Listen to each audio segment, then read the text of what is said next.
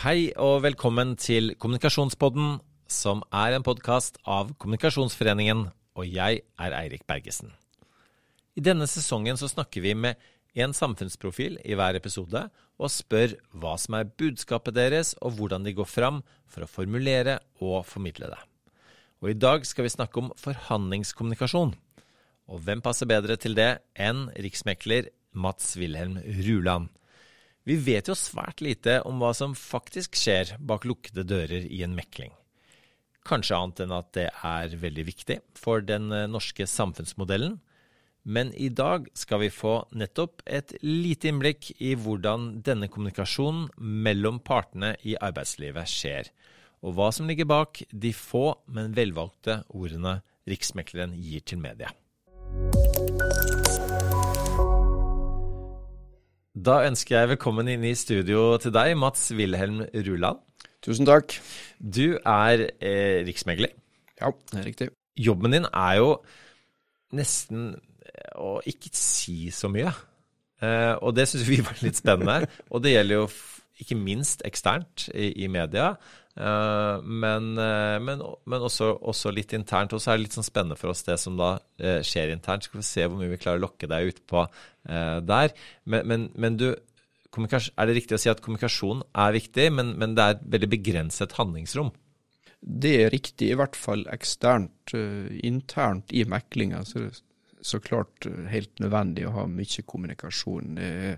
du har minst to parter i en mekling, og det skal du hjelpe gjennom meklinga til å prøve å finne ei balansert løsning som er god for deg. og det, Da må du snakke mye med deg og bruke de verktøyene du har i verktøykassa di underveis. Men så er det samtidig slik at ei mekling, den er lovbestemt i arbeidslivsloven, den går for lukka dører. Og Det innebærer at det er taushetsplikt om alt som skjer i meklinga. Det gjelder både forberedelser til meklinga og underveis i meklinga. Så vi har ikke lov å si noe om det som skjer i meklinga. Og taushetsplikten den gjelder ikke bare under meklinga, den gjelder også for alltid. Og det er straffbart å bryte taushetsplikten. Da kan man få bot mm. og fengsel i ytterste konsekvens. Det er nok ikke fengsel så veldig aktuelt, det er mest i lovteksten. Men eh, det er viktig at det er taushetsplikt om det også. Så kort oppsummert, du kommer til å være litt forsiktig i dine uttalelser her i dag?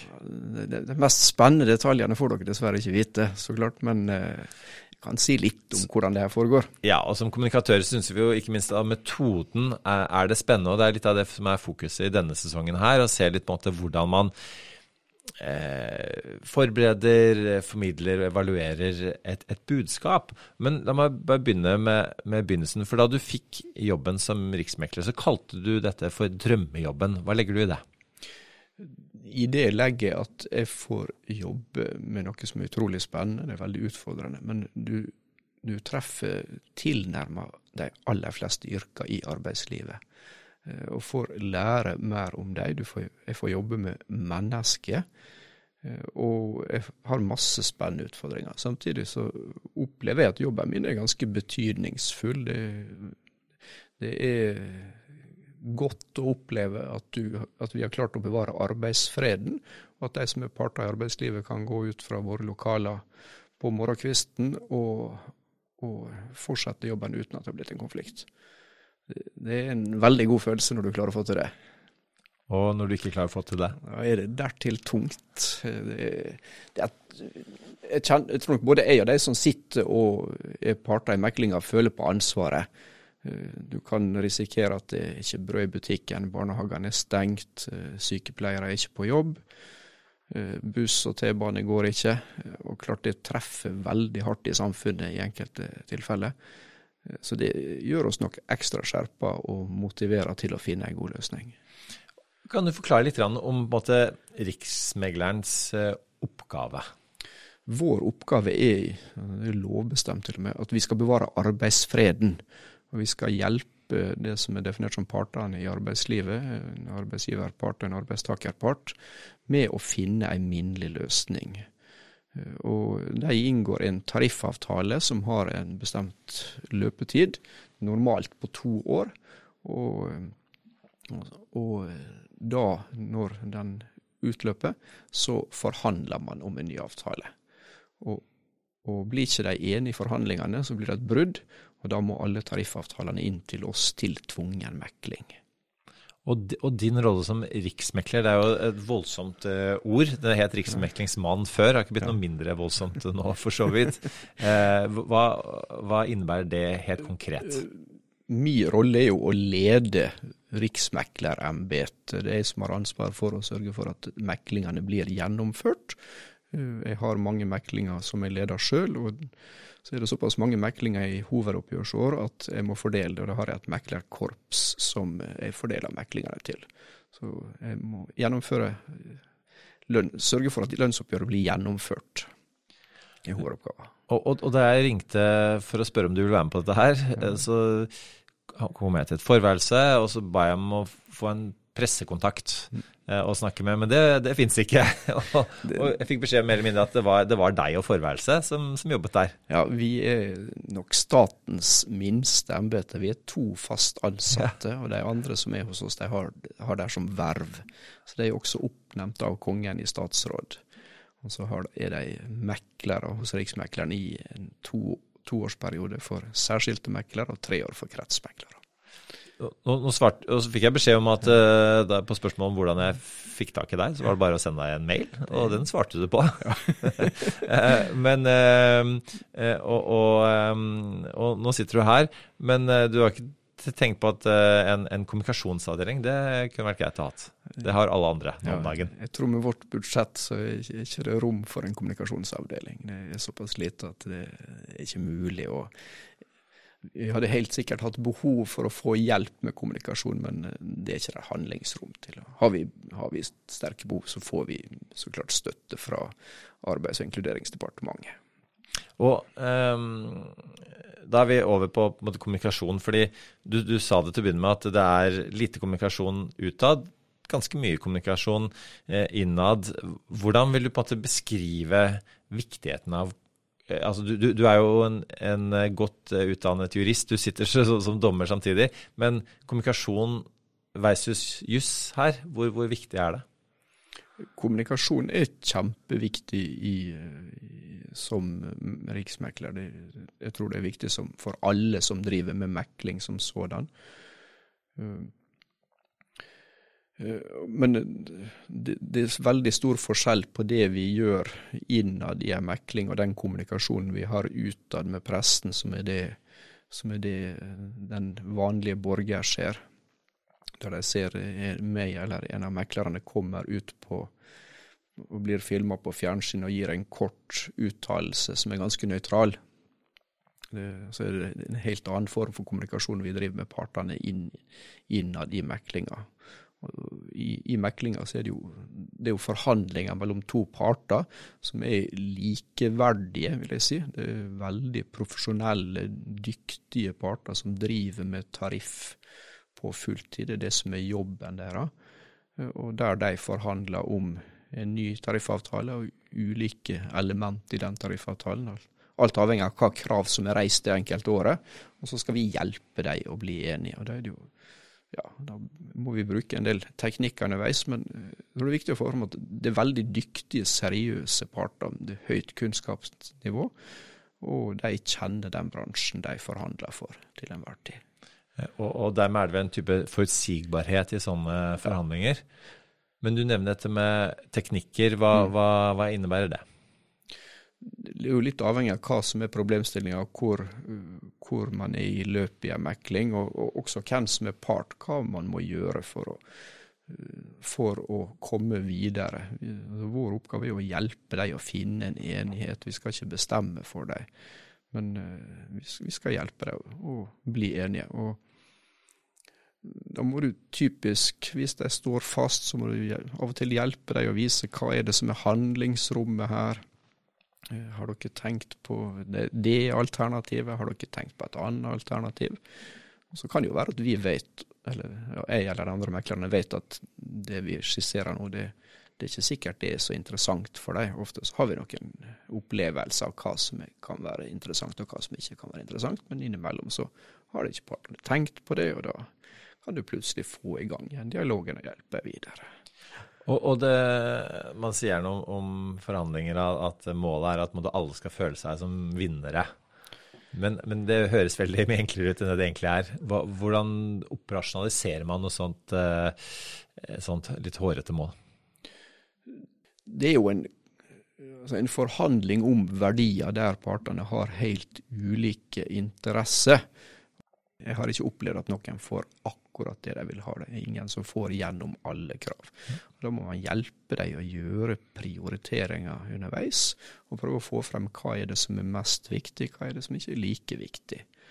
Altså det, er jo, det er ganske sånn systematisk jobbing der vi jobber oss gjennom de kravene som er der. Og pass på å ha en oversikt over alle temaer som er brakt inn, og, og holde tak i det, og holde dialogen gående. Og Meklinga har ulike faser. Du har faser der du har god flyt, og du har faser der det er veldig vanskelig. Og Det er greit å ha litt erfaring, ha opplevd det, for det kan bli veldig frustrerende når, du, når alt låser seg og begge parter sier nei, nå, er, nå har vi nådd vår grense, nå vil vi ikke gå videre. Da må du ha en tanke om hva gjør du da. Uh, av og til så er det bare å være, sitte helt stille og se om noen sprekker og blir taletrengt, og andre ganger så må du hjelpe dialogen i gang igjen. Da er det typisk at ja, da er det ofte fornuftig å gå over på et annet tema. Det kan være et tema du har parkert tidligere, og plutselig så kan du få bevegelse på det temaet. Når, når du eh, setter deg ned og, og, begynner en mekling, altså når, når du blir involvert, eh, og, og, for da er det en tvist som har oppstått, sant? Ja, jeg, Partene forhandler alltid. De har fastsatt et forhandlingstidspunkt, og så forhandler de gjerne over flere dager. Så det, det som kommer inn til oss av tvistetema, det er godt gjennomarbeida stort sett alltid. Så får vi inn eh, et brudd. og Da tar vi kontakt med partene alltid. Vi finner dato for meklinga. Eh, og så har vi en sånn forberedende prosess. I store meklinger har vi et forberedende møte med partene. og vi ber alltid å få en del bakgrunnsinformasjon. Vi ber om å få vite kravene, vi ber om å få vite hva, eh, hva, hva er siste posisjon deres, og gjerne en begrunnelse for kravene. Vi også fisker litt på hva tanker de har om motparten sine krav. Så det er en ganske aktiv forberedende fase, og så kommer denne meklinga. Da er det noe rituale. Meklinga starter alltid med et åpningsmøte. Der holder meklere ei innledning. Eh, og så får partene presentere sine posisjoner. Og, posisjoner. Og, og da starter arbeidsgiversida alltid fast, og så er det arbeidstaker etterpå. Og når, og når, du setter deg ved bordet og holder mm. denne innledningen, ja. måtte, noe, er det noe som går igjen fra gang til gang? Har du noen, sånn, noen faste ting du, du, La oss kalle det et budskap, da, som du har ja. til partene? Det har jeg alltid. Ja, hva er det? det er jo, først er det det formelle. Sant? For at man skal kunne mekle, så må det formelle lovgrunnlaget være på plass. og Det passer vi alltid på er til stede. Og det er det alltid òg. De er såpass flinke partene at uh, det er helt nødvendig. Og så prøver jeg å ansvarliggjøre partene, mine på at det her er deres tvist. Det er de som har bestemt hva tema som kommer inn i meklinga. Og det er de som er til stede i meklinga, som er valgt av si gruppe til å representere dem, og dermed satt til å løse denne konflikten. Så det er ingen som har bedre forutsetninger for å løse den, akkurat de som er til stede. Det er kun de som kan gjøre det. Og vil de ikke, så er det ikke mulig å hjelpe dem heller. Så det minner de på. Så jeg ansvarliggjør dem, så orienterer jeg om at de må prioritere. Det er òg fast. Og så har jeg noen andre punkt også, som, som vi går igjennom, som er ganske sånn standard. Men det, det er en ganske stor grad av ansvarliggjøring. Så prøver å hjelpe deg å holde humøret litt oppe. og Tar en liten vits eller litt anekdote. Det er okay, ganske viktig. Ja. ja. vi må gjøre det. Må litt, du må ha litt stemning, for det er ganske alvorlig. Har du en liten sånn verktøykasse med sånn, eh, den type materiale òg, eller? jeg, har, jeg, har, jo noen, eh, noen, anekdoter som jeg liker å bruke. Så jeg kan ikke bruke det for ofte, og kan ikke bruke det på alle heller. for det, du, skal, du, skal, kunne ha dem parat hvis du trenger det, men eh, men det er sånne ting som å holde humøret oppe, og, på en måte, og, og en, at man skal på en måte ja, som du sa i stad, altså, altså, ha et driv i, i forhandlingene? Du, du, skal ha et driv i forhandlingene. Det, det, er mye prosessledelse. Passe på at uh, meklinga løper videre og styrer dem, og sørge for at det ikke stopper opp. Uh, det er fort gjort for partene av taktiske grunner å prøve å innvilge seg lang tid for å gjøre motparten frustrert, prøve å få dem mør og sånn. Det, det, må vi passe på at ikke, ikke skjer. Vi må holde dynamikken i gang hele veien. Og da er det, altså, det er vennlig, men bestemt. Men jeg, jeg tror det bør være vennlig er viktig. å, å lytte, prøve å forstå hva er det som er de reelle interessene til den enkelte parten, hva er det som er viktig for dem, og for, hjelpe dem kanskje å formidle det til den andre sida. Men når du sier dette med ansvarliggjøre, og, og i stad var du inne på dette, hvor store konsekvenser en eh, problemer med sånne forhandlinger kan ha. Hender det at du noen gang må si hei, hvis ikke vi nå blir enige, så, så stopper eh, busser, eh, trikker, fly og, og, samfunnet rundt oss, og det får veldig store konsekvenser for befolkningen. Mm. Eh, ja. må du noen gang dra litt på stortromma når det gjelder det? Det må du ofte gjøre. Altså, ja. Er de veldig klar over det, men klart det er en viktig oppgave å ansvarliggjøre og minne dem på det. At hvis man ikke kommer i mål, så kan det her ha formidable konsekvenser. Men uh, dette er jo nesten psykologi. Uh, hvordan uh, På hvilken måte tenker du at, at, eh, Ser du på en sånn type begrep oppi det hele? Det er et viktig aspekt i meklinga å prøve å kunne forstå de du har med å gjøre, og se hvor de er, og prøve å lese, lese handlingsmønster eller handlingene der underveis. Det er kjempeviktig. Uh, for min egen del så er det av og til jeg gjør taktiske vurderinger, at jeg har noen verktøy som jeg av og til bruker til å, eller i konkrete situasjoner kan, vet jeg kan bruke til å trykke på en part for å få til bevegelse. Da må du være veldig nøye med når du gjør det. Uh, og ja, det kan i enkelte situasjoner være helt avgjørende for at vi kommer i mål. Fordi man har jo personlighetstyper, kanskje spesielt på arbeidstakersiden, den Gerli Walla, Yngve Haagensen osv., som, som jo virkelig sto fram i offentligheten. Uh, så, så, du må jo vel på mange måter være en god menneskekjenner da, i en sånn jobb? Det tenker jeg, det skal heller andre få mene enn jeg sjøl. Eh, men det, det, er viktig, det, er viktig, å kunne se hvordan, eh, hvordan man agerer, og se, gjerne prøve å analysere hvorfor de handler akkurat som de gjør. Eh, det er jo et, under et ganske sterkt press, de som er forhandlingsledere, som jeg i stor grad forholder meg til. I en mekling er det veldig mange mennesker som er til stede fra begge sider, og så setter man ned det som heter et engere utvalg. Det er noen de har valgt ut til å sitte inne og forhandle, og så går de tilbake til sine, og så skal man forankre det man har prøvd å komme fram til. Det som kan være et forslag til en løsning på ett punkt. Og de har et altså, I tillegg til at de må møte motparten, som gjerne er tøff, det gjelder, det gjelder begge sider, så har de også sine egne som er veldig tøffe med det. Så de har en vanskelig oppgave. Så må, vi må prøve å få med oss det innimellom. Så må vi hjelpe dem med deres egne medlemmer også. Og støtte forhandlingslederne og si at hør nå her, nå har vi fått til det og det, nå tror ikke vi det går lenger. Må dere tenke på alternativet her. Eh, kan dere oppnå noe bedre gjennom en konflikt, eller er det her det beste dere kan oppnå? Hvorfor tror dere at dere vil oppnå noe bedre med en konflikt? Er det sannsynlig at motparten vil gi seg? Du, besk du beskrev um, Du sa at uh, det opp til deg å karakterisere deg selv. Derfor skal jeg nevne noen andres karakteristika av deg. Fordi Da du fikk jobben, så daværende arbeids- og inkluderingsminister Anniken Huitfeldt hun trakk fram bl.a., i tillegg til alt det juridiske, uh, faglige kompetansen, selvfølgelig, uh, dine personlige egenskaper.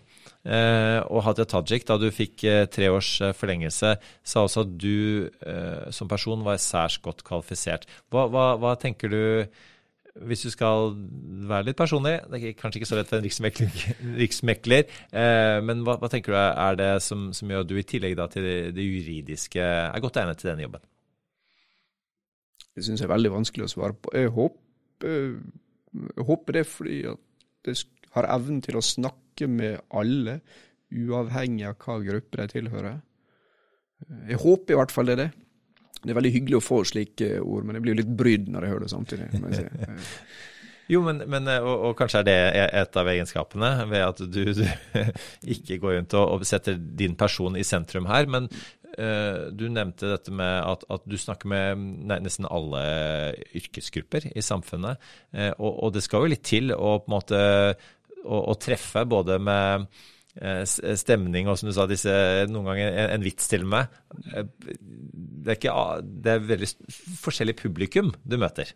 Ja, og du må kjenne ditt publikum. Du, du og, og, hvordan gjør man det? Hvordan klarer man å kjenne sitt publikum? Det er vanskelig for oss alle. Jeg syns jo de gruppene jeg møter er utrolig spennende. De har mye å fortelle om sin, sin næring som jeg ikke vet. Og Da får jeg en helt unik mulighet til å lære masse om dem. Og så er jeg, jeg er nysgjerrig av natur, og det, det, er kanskje en fordel å være. Men da kan du lære masse, og kan du bruke det videre. Jeg tror vi bygger kunnskap med å gjøre det, med å være nysgjerrig, med å høre og ta alle på alvor. Respektere alle. Mm. Uh, og alle gruppene vi har innom oss i mekling, gjør viktige oppgaver i samfunnet i, i en eller annen form. og noen, noen har kjempeviktige oppgaver som, ikke, som, mange ikke tenker over i det daglige. Og Det får du sett veldig tydelig i tariffmekling. Og um, Ikke bare skal du kommunisere, men du skal på en måte um, administrere kommunikasjonen mm. mellom de to partene. Ja. Og noen ganger, selv om ikke du er ute i offentligheten og snakker i store, så er noen av partene det. Og på en måte, hvordan eh, vil du beskrive det? Altså det å passe på at ikke dårlig kommunikasjon eskalerer konflikter? Partene har jo sin interesse, og de har sine parter de, de skal ivareta. De som jeg, jeg møter i meklingene, og de som er forhandlingsledere, de skal ivareta interessen til sine parter parter. Og Da har de et budskap de må kommunisere ut. Så har de ikke lov å kommunisere om det som skjer i meklinga, men klart inn i meklinga så er det mange som er ute i media, forteller om sin posisjon og har et sterkt budskap som de ønsker å formidle. Og Det kan av og til gjøre det vanskelig hvis man har formidla en posisjon som er veldig hard eller låst, der man kommer inn og og, og, sier at det her er det må vi ha, får vi ikke det, så blir det streik. Det kan gjøre det vanskelig, for det kan snevre inn handlingsrommet. Men samtidig, partene har full rett til å gjøre det, må vi anerkjenne. Det, det er legitim interesse både på arbeidstaker- og arbeidsgiversida som de skal ivareta. Så det, det, er viktig også. Men det kan gjøre posisjonene deres vanskelig òg. Mm. Det kan skape fallhøyde for seg sjøl, f.eks. Men uh, det kan samtidig legge press på motparten. Så det, det er ikke noe feil ved å gjøre det. Men det, det er fri partsautonomi. Mm. Det er viktig, det, det, må vi anerkjenne. Det er helt grunnleggende menneskerettigheter det her er snakk om. Så. Ikke sant? Og, og, mm. men, men, når den partsautonomien blir så sterk at du, det havner på forsiden på VG på en lørdag, hender det at du noen gang må sende tekstmelding, ta en telefon og si at nå må vi roe den litt ned? Nei, det gjør jeg ikke. Det, det, det, det er partene sitt ansvar. Det må de bære konsekvensene av i den grad det går utover deres posisjon, deres muligheter. Det, det gjør vi ikke. Det, det eneste vi, vi, agerer på, er brudd på taushetsplikten. Hvis man først har kommet i en streik og, og partene går i en sånn negativ spiral av en dårlig dialog i media, så kan det hende at har det hendt at jeg har tatt opp med partene at det der hjelper ikke dere å komme til enighet, men det gjør jeg helt under hånden og aldri i media. Det gjør det ikke. Det er mer en vennlig, en vennlig, oppfordring fra min side til å tenke på at de skal inn igjen, de skal møtes igjen, de må bli enige. Men ja, det har jeg ikke gjort mange ganger, det kommer jeg ikke til å gjøre mange ganger heller. Men det er der det blir et ekstremt surt klima i etterkant, og da er det blitt konflikt. Før de kommer inn i mekling til oss, så sier jeg ingenting til partene.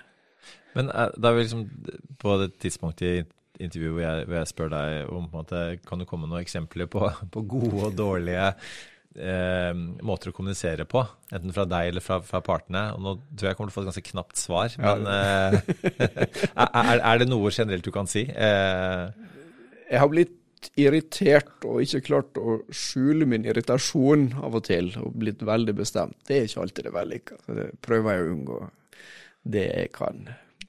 Og du kan selvfølgelig da ikke si hvilken situasjon det har vært? Nei, jeg kan ikke si. Jeg har ikke lyst til å si hva situasjonen er. Det kan jeg faktisk ikke si. Men, men, men du, er, du, er, midt oppe i årets lønnsoppgjør? Ja, vi er i grunnen så vidt begynt. Ja. Vi er ferdig med frontfaget, som er eh, der man setter rammer for eh, altså økonomien i lønnsoppgjøret. og Den ramma er altså normdannende eller veiledende for de som kommer etter. Eh, og, og der var det litt spent? Vi kommer fra en pandemi. Det har vært to veldig vanskelige lønnsoppgjør under pandemien. Du har en del næringer som har gått veldig godt, og så har du noen næringer som har gått veldig dårlig. Mm. Og det har gått kjempedårlig, og, og det gjør det vanskelig. Og det er mange arbeidstakere som har hatt ei høy og krevende arbeidsbelastning. Så det gjør sånn rammebetingelsene for lønnsoppgjøret vanskelig.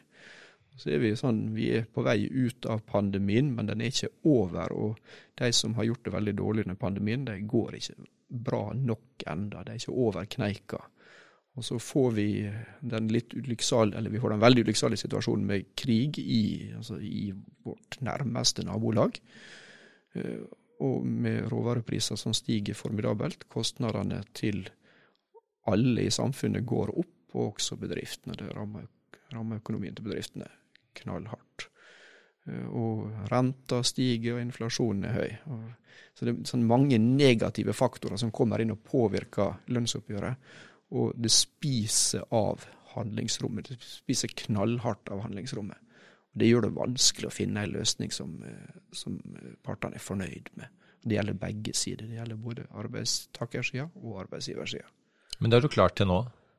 Vi har klart det nå gått veldig bra hittil i år. Vi har ikke én konflikt, og det er jeg kjempefornøyd med. Men eh, Hvordan har du klart det? Jeg vil si det er partene som har klart det, med litt hjelp fra oss, å bli enige. Men det handler litt om at, at alle er på det enige at situasjonen er det den er? At den er litt vanskelig? Her er rammeverket eh, ikke så enkelt? Ja, men det i seg sjøl er ikke nok til Nei. at partene blir enige. Av og til så syns man at uh, at situasjonen er, eller kravet er så viktig at man vil ha det, må ha det gjennom, uavhengig av hvordan situasjonen er nå.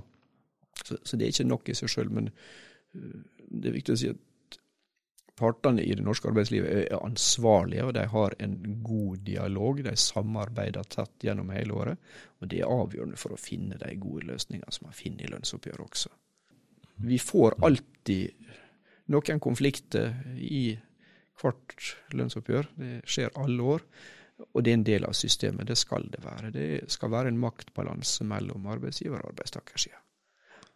Og I Norge har vi jo trepartssamarbeidet, som jo man kanskje eh, andre land misunner oss, som sørger for at, at uh, ting ikke bryter helt uh, sammen når uh, interessemotsetninger står opp mot hverandre og man får konflikt? Det er ingen tvil om det at regjeringa og myndighetene er en veldig viktig bidragsyter inn her. De kan hjelpe partene med rammebetingelsene f.eks.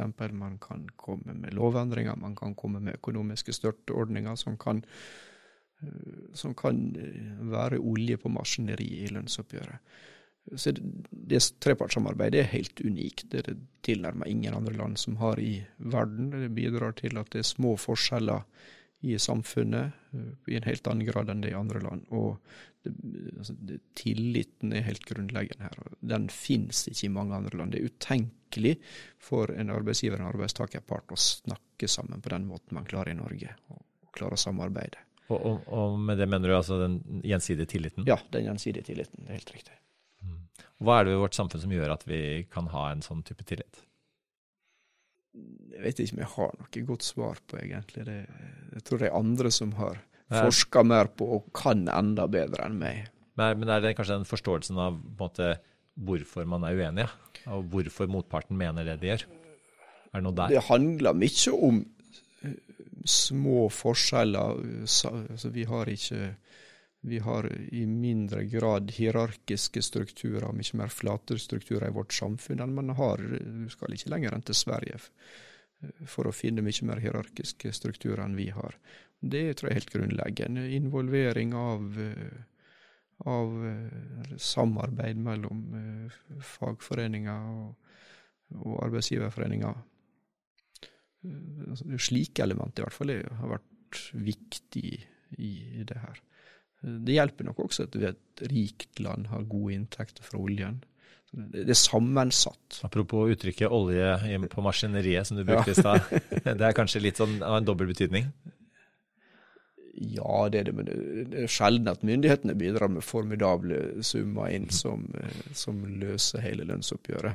Men innimellom så kan, kan man komme med ulike støtteordninger man kan legge til rette ved lovendringer Eh, nå i frontfaget i år, så var det økonomisk, eh, altså økonomiske tilskudd til utdanning av industriarbeidere, som, som hjalp i lønnsoppgjøret, utvilsomt, og som er veldig viktig. Og Samtidig så er det jo et, det er jo et tiltak som samfunnet er interessert i, og som er bra for, for landet. Så det er et samarbeid som er godt og viktig. Vi må snakke litt om, om når du går ut av det forhandlingsrommet Eh, og stiller deg opp foran et kamera eh, for å si noe om hvordan det går. Og det kan mm. være både fordi at eh, man tenker at media og offentligheten har rett på å vite hvordan det går, og kanskje også for å dytte litt på, på partene. Men hva, hva, måte, hva, er viktig for deg når, når du da bestemmer at nå skal det på tide å snakke med pressen? Det kan være litt utfordrende å snakke med pressen for min del, for, fordi meklinga går for lukka dører, det er taushetsplikt.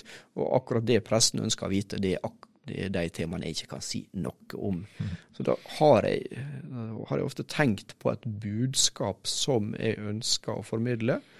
Og det budskapet er gjerne kort. Kan variere litt fra mekling til mekling, og hvor, hva fase vi er i meklinga. Men tidlig i mekling så har jeg veldig lite å si også om også om, ja, om alt, egentlig. Mens senere i meklinga så kan, kan, jeg jo Vil man kanskje se på kroppsspråket mitt at jeg ikke ser så, så ja, tung, eller jeg skal ikke si deprimert, men eh, du, du kan se at det, det, her er veldig vanskelig. Mens andre ganger så ja, kroppsspråket vil nok vise en del også. De få ordene vi kan si, vil, kan gi et inntrykk av hva vei jeg tror det går. Men, ja, for det er du bevisst på, at du signaliserer om du er positiv nei, eller eh, ikke positiv, basert på nesten måten du, du står på? jeg prøver å være nøytral, men jeg, jeg, tror nok ikke du klarer å, eh, å holde det skjult. Eh, hva, hva vei du tror det her går. Det vil nok kunne leses gjennom kroppsspråk, i hvert fall i en del tilfeller. Men vi kan ikke si noe som helst, egentlig. Men jeg prøver å ha et budskap litt om det her er vanskelig, eller om vært god bevegelse. Og Hva er strategien i det du da sier? Det, det, det vil være situasjonsavhengig, vil jeg si. Men, men, det handler om å dytte forhandlingene videre? Jeg tror nok ikke det jeg sier til media har nevneverdig påvirkning Nei. på hvordan forhandlingene går. Det er det partene som styrer fullt ut. Eh, og det presset og det ansvaret som ligger på dem, det er der helt uavhengig av hva jeg gjør i media. Det, det, jeg bare fant noen standardfraser som jeg så gikk veldig mye igjen. Skal, jeg kommer til å stå på for at vi skal komme i mål. Det er bevegelse i meklingen mellom partene, men det gjenstår fortsatt store tema. Mm. Det, men det er liksom du sier at, at Um, og Om ikke det beveger forhandlingene direkte, så er det jo mange som prøver å lese veldig mye, ikke minst ja, mediefolk, i de formuleringene dine. Hvis det står helt fast, så ligger jo i kortet at det, det, det er en veldig usikker utgang av meklinga. Det har nå hendt mange ganger at det har vært liten bevegelse, at det er veldig vanskelig, og så går det likevel. Mens andre ganger så går det ikke. Eh, og når det gjenstår en del ting, så det for å fortelle at nå har vi mye igjen å jobbe med, det er ganske lenge til vi er ferdig. Det vil gjerne ligge slike, slike ja, slik, et slikt budskap i mitt svar. Um, men helt til slutt, Mats. Uh, du, jobben din er på en måte å gi litt råd uh, til, um, til, til, partene uh, i en sånn, for, for å hjelpe dem å, å bli enige. Eh, men, men, noen ganger spør man sånn, hvem er det som rådgir rådgiverne? Altså, mm. hvordan er det du hvem er, som, hvem er det du på en måte snakker med for, for, å evaluere og justere på en måte den kommunikasjonen som du har, spesielt da internt i en forhandling? Vi har opp gjennom historien hatt eh, noe kursing og fått bistand, og vi har også fått eh, hjelp fra fra departementet, fra Arbeids- og inkluderingsdepartementet, og også eh, partene har jo gjerne med seg kommunikasjonsrådgivere som bistår oss underveis og tilrettelegger når vi skal snakke med presten og sånn, og de kan hjelpe oss om vi har behov for det. Så det er et veldig godt samarbeid mellom eh, Sånn som nå når vi mekler frontfaget, så er det jo Fellesforbundet Norsk Industri, og de har hver sin eh, kommunikasjonsperson, og de hjalp oss kjempemasse under meklinga og hjelper oss å legge til rette Så partenes og, kommunikasjonspersoner er, er også en, en, viktig stemme for deg? Ja, det er en viktig stemme for oss, og de, og de samarbeider under meklinga med det her. Så de er der for oss og for partene.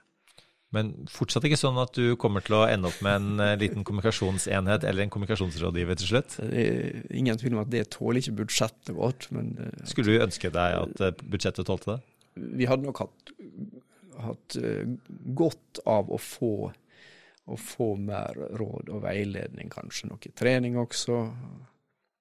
Det er ingen tvil om. Jeg har sett på jeg har sett på meg sjøl på TV noen ganger. Jeg ser det blunker veldig mye, men eh, det kan også ha en sammenheng med at du har vært, opp, vært, vært på jobb i 40 timer sammenhengen og er dørsliten. Det er ikke alltid det er like lett å komme med de gode, kloke svarene. Typisk hvis du får spørsmål du, du ikke kan svare på, så kan det bli litt rart av og til. Da nærmer vi oss slutten her, Mats. Tusen takk for, for, all åpenheten. Og bare du, lytterne hører at du er en stoisk eh, mann eh, som ikke lar seg vippe av pinnen etter til verken å, å, å, tråkke over noen taushetsgrenser eller noe som helst. Men, men, er det noe du kan irritere deg over i en sånn type sånn forhandlingssituasjon? Jeg skulle nok ønske at flere var klar over hvor viktig det vi holder på med er, og hvor, i hva grad det berører alle som er i arbeid. Eh, det som skjer gjennom en mekling vil påvirke alle i arbeidslivet, alle som har en arbeidsavtale. Eh, det er det som former dine lønns- og arbeidsvilkår, hva som er arbeidstida di, når har du ferie, osv. så så det hadde vært fint om de fleste så hvor viktig det var og engasjerte seg. Det, er bra for samfunnet å ha et organisert arbeidsliv. Så. Og det forklarer jo eh, på en veldig god måte hvorfor vi har invitert deg eh, hit i dag. Og, og tusen takk for det, for det, innblikket vi har fått bak eh, maktens kulisser, hvis det er lov å si. Takk for at du var med oss i dag, Mats Wilhelm Ruland, riksmekler. Takk for at jeg fikk komme.